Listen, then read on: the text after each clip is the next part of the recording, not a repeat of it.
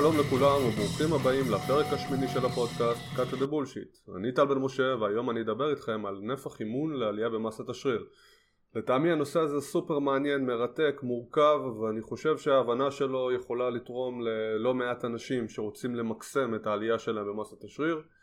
אבל אה, לפני שאנחנו מתחילים, בראשון לדצמבר אני מקיים סדנה מדעית לחיטוב הגוף live בזום הסדנה תהיה כחמש שעות ואני אדבר על כל העקרונות המדעיים החשובים והעדכניים ביותר לחיטוב הגוף. מסה, ירידה באחוזי השומן, חלבון, קלוריות, אימונים וכמעט כל דבר שחשבתם עליו ככה קצר לעניין ופרקטי שבאמת יכול לעזור לכם אה, להצליח יותר בתהליכים שלכם. אז אסור לכם לפספס את זה, נצלו את ההרשמה המוקדמת וכמו תמיד אני משאיר קישור בתיאור של הפודקאסט, תוכלו להיכנס אליו ולראות עוד פרטים אז אה, בלי יותר מדי חפירות בואו נתחיל.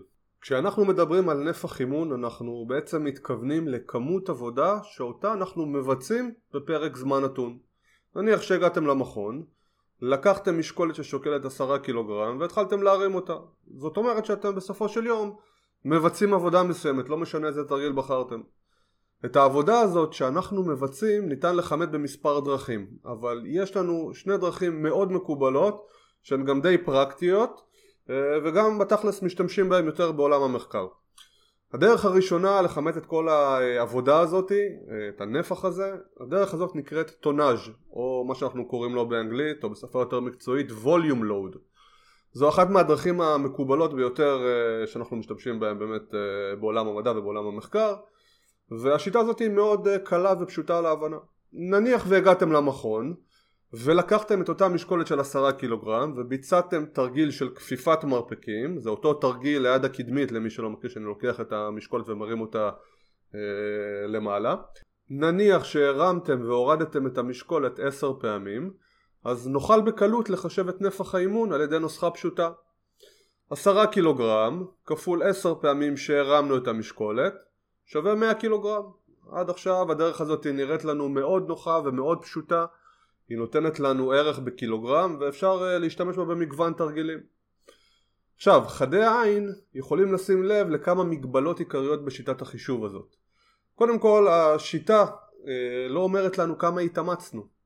נניח שאותו אדם שהרים את אותם עשרה קילוגרם לעשר חזרות בכלל לא התעייף, זאת אומרת, uh, יכול מאוד להיות שהמשקל הזה היה לו מאוד קל. דבר נוסף הוא שאנחנו לא יודעים כמה זמן נמשכה כל חזרה. נניח והרמנו את המשקל עשר פעמים, אבל ביצענו את זה מהר מאוד, אבל מה אם אותו אדם מרים את אותם עשרה קילוגרם במהירות מאוד איטית, כך שבסופו של יום הוא מצליח לבצע רק חמש חזרות, אז אה, מאחר שיש לנו איזה סוג של המרה בין מהירות לעייפות, ככל שאנחנו מרימים דברים בצורה יותר uh, מהירה אנחנו uh, אולי uh, נצליח לבצע יותר חזרות, אבל כנראה יכול מאוד להיות שנתעייף בזמן יותר קצר. ואם נעבוד בצורה יותר איטית אולי נוכל לבצע פחות חזרות אבל להתעייף אולי אה, יותר לאט זה מאוד אה, תלוי בבני אדם. אז בכזה מצב של החמש חזרות ממקודם החישוב יהיה רק 50 קילוגרם בלבד. אבל יכול מאוד להיות כמו שאמרתי שדרגת המאמץ בתוך הסט עצמו תהיה הרבה יותר אה, גבוהה. אז באופן כללי יש לנו דרך מסוימת או דרכים מסוימות לעקוף את הבעיה הזאת על ידי שימוש במשהו שנקרא אימפולס שלוקח בחשבון גם את המשקל שהורם וגם את משך הזמן הכללי שהמשקל הורם. זאת אומרת שעכשיו אין חישוב של חזרות אלא חישוב של שניות עבודה כפול משקל. אני לא אחפור על זה יותר מדי כי זה פחות קריטי לנושא שלנו אבל שתדעו שאנחנו יכולים להשתמש גם אה, בדברים כאלה. ואני חושב שהבעיה הכי גדולה בכל הסיפור הזה של טונאז' קשורה לכך שהוא לא מנבא עלייה במסת השריר בצורה אה, טובה במיוחד. עכשיו לא ניתן לבוא ולהגיד שטונאז' של אלף קילוגרם עדיף על פני טונאז' של 800 קילוגרם. יש לנו מגוון ראיות ממחקרים שהראו שכש... שכאשר אנחנו משתמשים במשקלים קלים יחסית שמאפשרים 20-25 חזרות ומשווים אותם למשקלים כבדים שמאפשרים בין 8 ל-12 חזרות כמו שהרבה פעמים אה, אנשים אה, נוטים לעשות אנחנו רואים עלייה זהה במסת השריר אבל הטונאז' הווליום לואוד גבוה הרבה יותר אצל אלו שמבצעים 20 עד 25 חזרות. משמע שכנראה שיש כאן איזה סוג של יחס בעייתי. אם הם עושים הרבה יותר ווליום לואוד אבל העלייה במסת השריר די זהה אז יכול מאוד להיות שהמדד הזה הוא לא מספיק מדויק, הוא לא מספיק חד, והוא לא מאפשר לנו לנבא היפרטרופיה בצורה מספיק טובה. עכשיו אנחנו נדבר על מדד נוסף לנפח שעושה קצת יותר סדר ומקל עלינו יותר מבחינת החישוב אז במקום למדוד משקלים בחישוב, בחישובים שונים אנחנו פשוט יכולים לספור סטים. נניח ועכשיו הגעתם למכון שוב פעם לקחתם את אותה משקולת של אה, עשרה קילוגרם והרמתם אותה אה, חמישה עשר פעמים. נניח שבאזור החזרה ה-14, ה-15 התחלתם להרגיש ששריר המטרה שלכם אם זה למשל אה, כפיפת מרפקים אז שריר המטרה הוא היד הקדמית. התחלתם להרגיש שהשריר הזה מתחיל להתעייף מאוד ולכן החלטתם להוריד את המשקולת, לנוח. נחתם כמה דקות ואז ביצעתם את התרגיל הזה שוב פעם. אז בזמן הזה, זאת אומרת אה, בכל התקופה אה, הזאת ביצעתם שני סטים. שימו לב שבתיאור של סט הכנסתי אוטומטית את המשתנה עייפות. זאת אומרת שאמרתי שאנחנו מגדירים סט רק כאשר אנחנו מגיעים קרוב לכשל שרירי או לכשל שרירי, זאת אומרת חוסר יכולת להרים את המשקל פעם נוספת או ממש קרוב למקום הזה.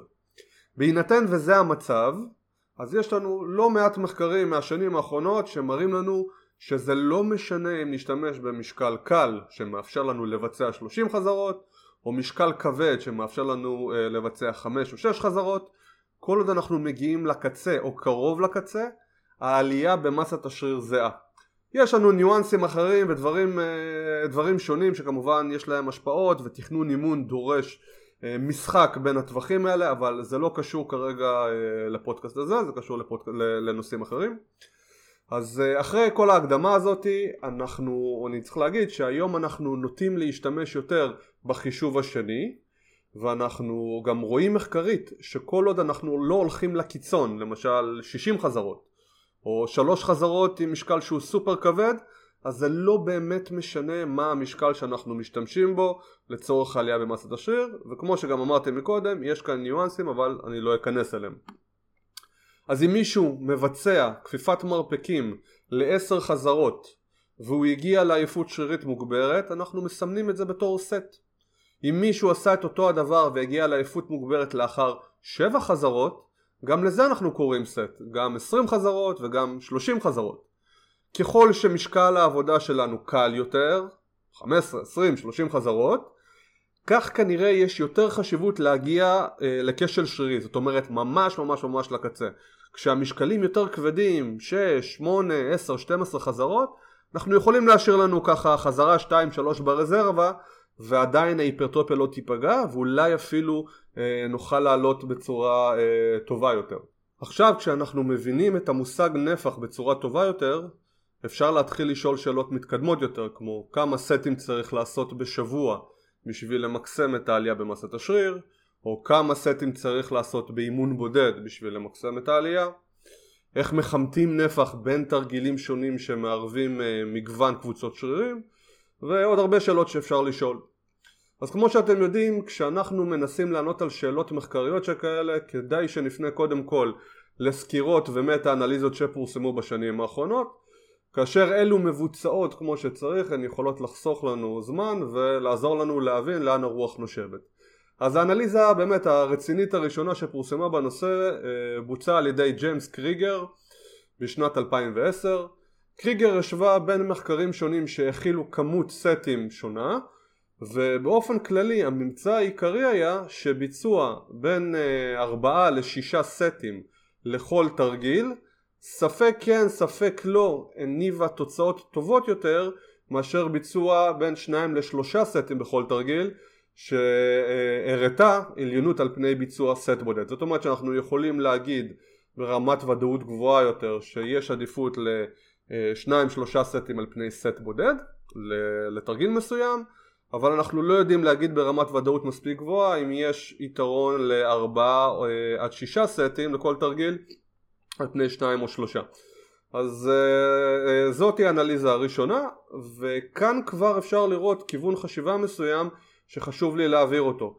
לרוב אנחנו אה, בכל מיני מחקרים רואים שמרבית התועלות מושגות בסטים הראשונים, הסט הראשון, השני, השלישי וככל שאנחנו מתקדמים ומוסיפים עוד סטים אנחנו לא מקבלים תועלת באותו יחס. זאת אומרת שאם אנחנו נלך לכיוון העשרה סטים אולי ורק אולי נרוויח מעט מאוד אה, לעומת מה שהיינו מרוויחים בסט הראשון או השני זאת אומרת שמרבית התוצאות מגיעות כבר בהתחלה אבל uh, בסופו של דבר האנליזה של קריגר לא יכולה לענות לנו על שאלות פרקטיות בצורה מספיק טובה אלא רק האם ביצוע של יותר סטים בתרגיל מסוים יניב יתרון על פני פחות סטים.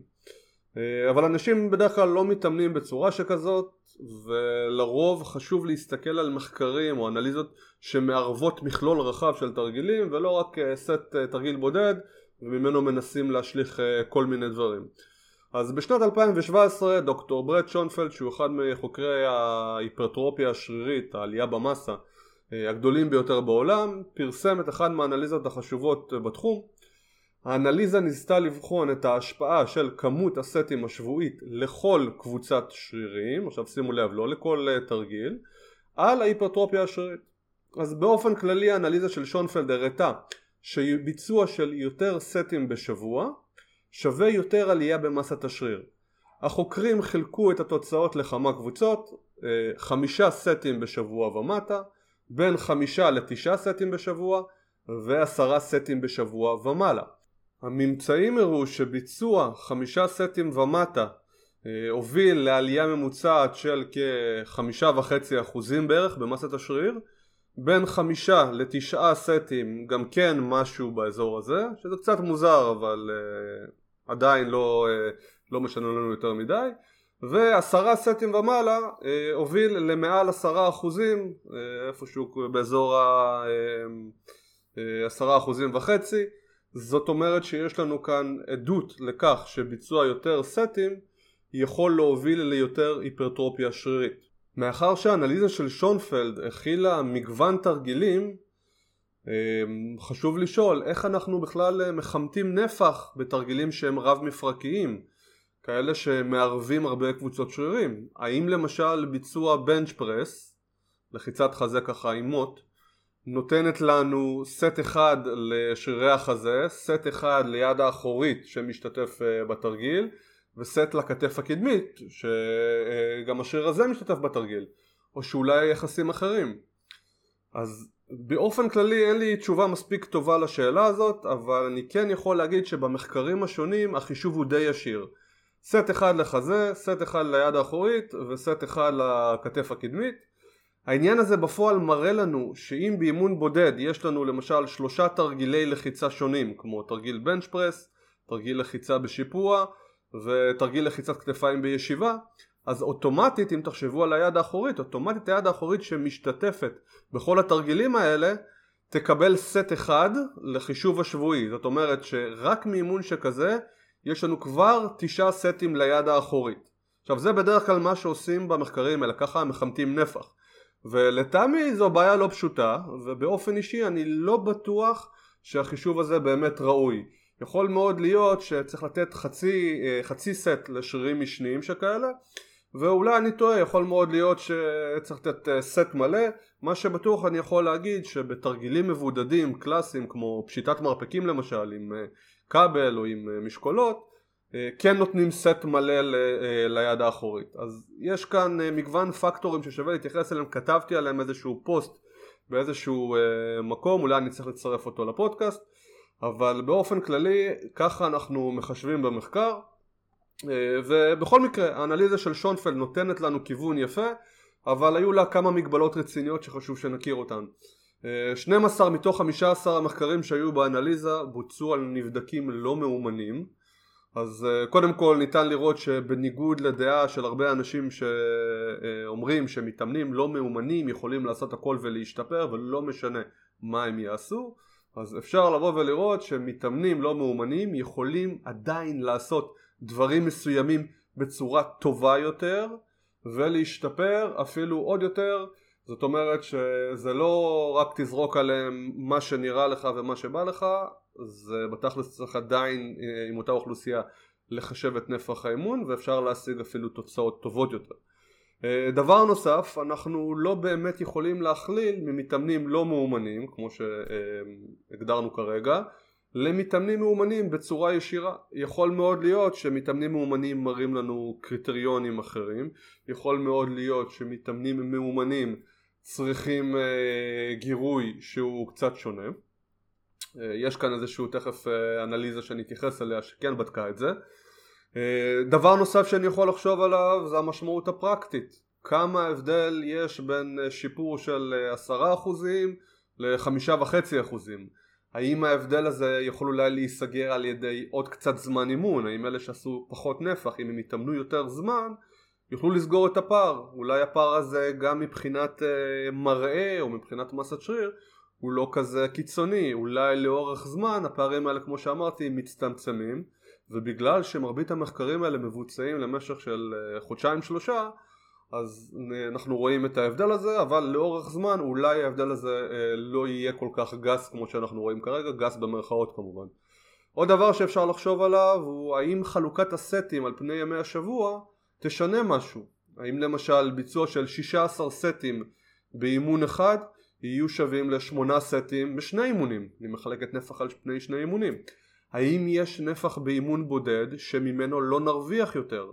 האם יש נפח שבועי שממנו לא נרוויח יותר, הרי האנליזה אמרה לנו איפשהו באזור העשרה אה, אה, סטים ומעלה, היא לא נתנה לנו איזה סוג של אה, רף עליון, אז השאלות האלה מורכבות ועל חלק מהן אני אנסה לענות בהמשך. אבל לפני שאני ממשיך ולמי שלא רוצה לחכות עד הראשון לדצמבר לסדנה לייב בזום שאני הולך להעביר יכול כבר עכשיו לצפות בסדנה המדעית לחיטוב הגוף שפיתחתי, הסדנה מכילה כ-17 שיעורים קצרים שילמדו אתכם את העקרונות הבסיסיים לעלייה במסת השריר וירידה במסת השומן כל התוכן מעודכן מדעית, בלי חרטוטים ובלי אשליות, משך הסדנה הוא כארבע שעות ואתם יכולים לצפות בה בכל מקום ובכל זמן שתרצו. אני מצרף קישור בתיאור של הפודקאסט. אז על אה, שאלת היחס בין נפח האימון לרמת המתאמן, יש לנו תשובה מסוימת מאנליזה שפורסמה ממש השנה האנליזה בדקה כשבעה מחקרים שבחנו את ההשפעה של נפח האימון רק בקרב מתאמנים מעל ותק של שנה שזה קריטריון מסוים, לא בהכרח הקריטריון הכי טוב אבל הוא כן מבטיח שהמתאמנים כנראה לא מתחילים אה, מתחילים. הממצאים העיקריים של האנליזה מצאו שטווח של בין 12 ל-20 סטים אה, בשבוע די מקסם את ההיפרטרופיה השרירית זאת אומרת שביצוע יותר מזה לא הוביל לעלייה גדולה יותר במסת השריר אבל כמובן שיש לנו גם אה, שונות גדולה בין האנשים. בכל מה שקשור לכמות סטים באימון בודד, אימון יחיד, אין לנו באמת אנליזה שפורסמה בספרות המדעית אבל יש ניתוחים של אותו ג'יימס קריגר מ-2010 וגם אה, מ-2017 הוא אה, גם סטטיסטיקאי יש לו ניתוח בבלוג שלו שהוא מצליח להראות שם שביצוע של בין שישה לשמונה סטים לכל קבוצת שרירים באימון זה אזור טוב. אה, יכול מאוד להיות שכמויות גדולות מכך לא בהכרח יניבו תוצאות טובות יותר אבל כמו שאני אומר זו תמיד נקודת מוצא טובה. אנחנו צריכים להתאים את כמות הסטים בהתאם לתגובה שלנו יש אנשים שיצטרכו לבצע יותר יש אנשים שיכולים אה, לבצע פחות והנקודה הזאת יכולה לעזור לנו לענות על השאלה של איך לחלק את נפח האימון על פני השבוע. האם לבצע את כל הסטים באימון בודד או שאולי כדאי לפזר אותם על פני uh, כמה אימונים? אז נראה שהתשובה היא שכדאי לפזר אותם בהתאם לכמות הנפח שהגדרתם לעצמכם מראש ואני אסביר. אם למשל החלטתם שאתם רוצים לבצע 12 סטים בשבוע לשרירי החזה אז ההמלצה הכללית היא לפצל את הסטים על פני שני אימונים כשבכל אימון יהיו לנו שישה סטים מאשר לבצע את כל 12 הסטים באימון בודד. אלו כמובן קווים אה, מנחים כלליים כמו שאני תמיד אומר. עכשיו למה לנו לעשות את זה? אם תזכרו במה שאמרנו לפני אה, דקה בנוגע לכמות הסטים שאנחנו רוצים שתהיה לנו באימון בודד אז אנחנו מוצאים שאם אחרי שישה שמונה סטים אנחנו לא משיגים תועלת מוספת לאותו שריר מטרה אז יכול מאוד להיות שכדאי לנו לפזר את הנפח על פני uh, כמה אימונים. כמובן שוב פעם אלו קווים מנחים כלליים. ועכשיו אפשר לשאול שאלה חשובה נוספת. איך נחליט באיזה נפח אימון נתאמן אז כמו תמיד התשובה לכך לא ממש פשוטה והיא די תלויה במטרות שלנו וביכולת ההתאוששות שלנו והרבה פעמים אנחנו מתאמנים יותר מאומנים גם בנפח האימון הקודם שביצענו. באופן כללי מהאנליזות השונות למדנו שאולי להתחיל עם עשרה סטים בשבוע לכל קבוצת שרירים זה רעיון טוב ולאורך זמן כשאנחנו נתקעים ולא אה, מצליחים להתקדם נוכל תמיד להוסיף עוד סטים בשביל לייצר גירוי חדש. מה שאני לא ממליץ עליו, אני לא ממליץ להתחיל עם הנפח הכי גבוה שאתם, אה, שהמחקרים אומרים, לא ממליץ להתחיל עם 20, אה, עם 20 סטים אם אתם לא רגילים לזה, נפח ונקרא לזה capacity לנפח, זאת אומרת היכולת שלנו להתמודד עם נפח זה משהו שאנחנו צריכים לבנות אותו לאורך זמן. ואם אתם מגיעים למכון ויכולים להתקדם עם כמות סטים מינימלית שמניבה לכם תוצאות טובות למה לכם לקפוץ לכמות סטים גדולה יותר?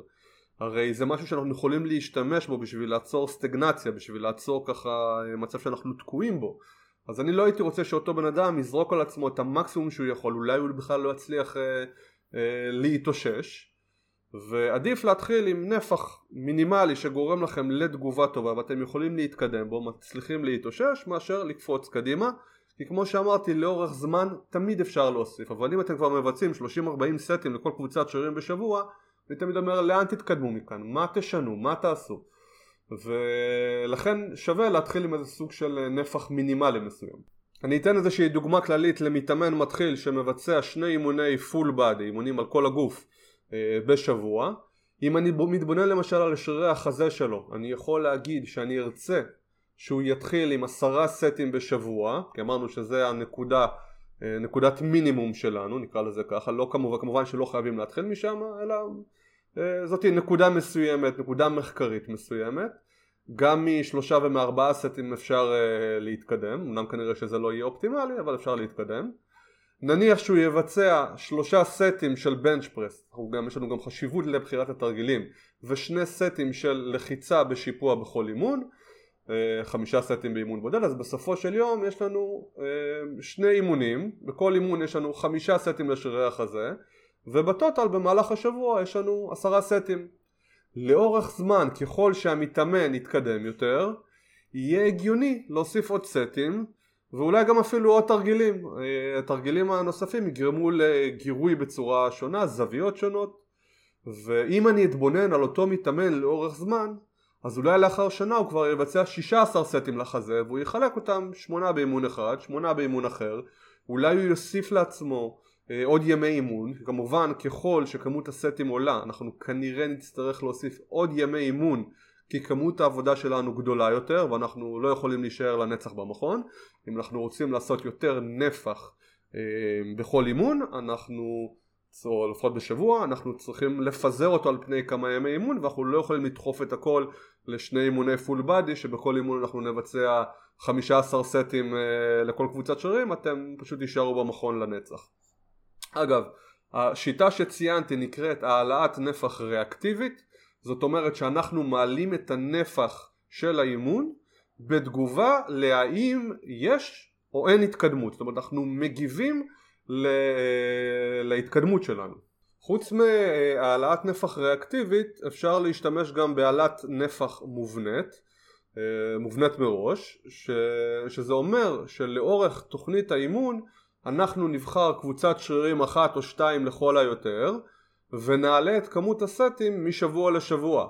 למשל בשבוע מספר 1 נבצע 10 סטים לשרירי החזה, בשבוע 2 12 סטים, שבוע 3 14 סטים וכן הלאה וכן הלאה וכן הלאה עד אזור ה-20-22 סטים.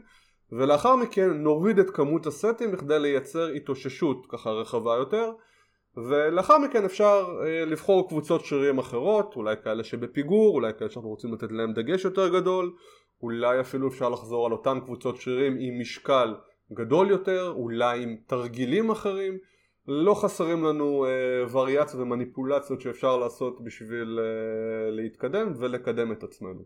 אז אה, בואו נסכם ככה את הנקודות החשובות. הדרך הנוחה ביותר לכמת נפח אימון היא על ידי ספירה של סטים קשים.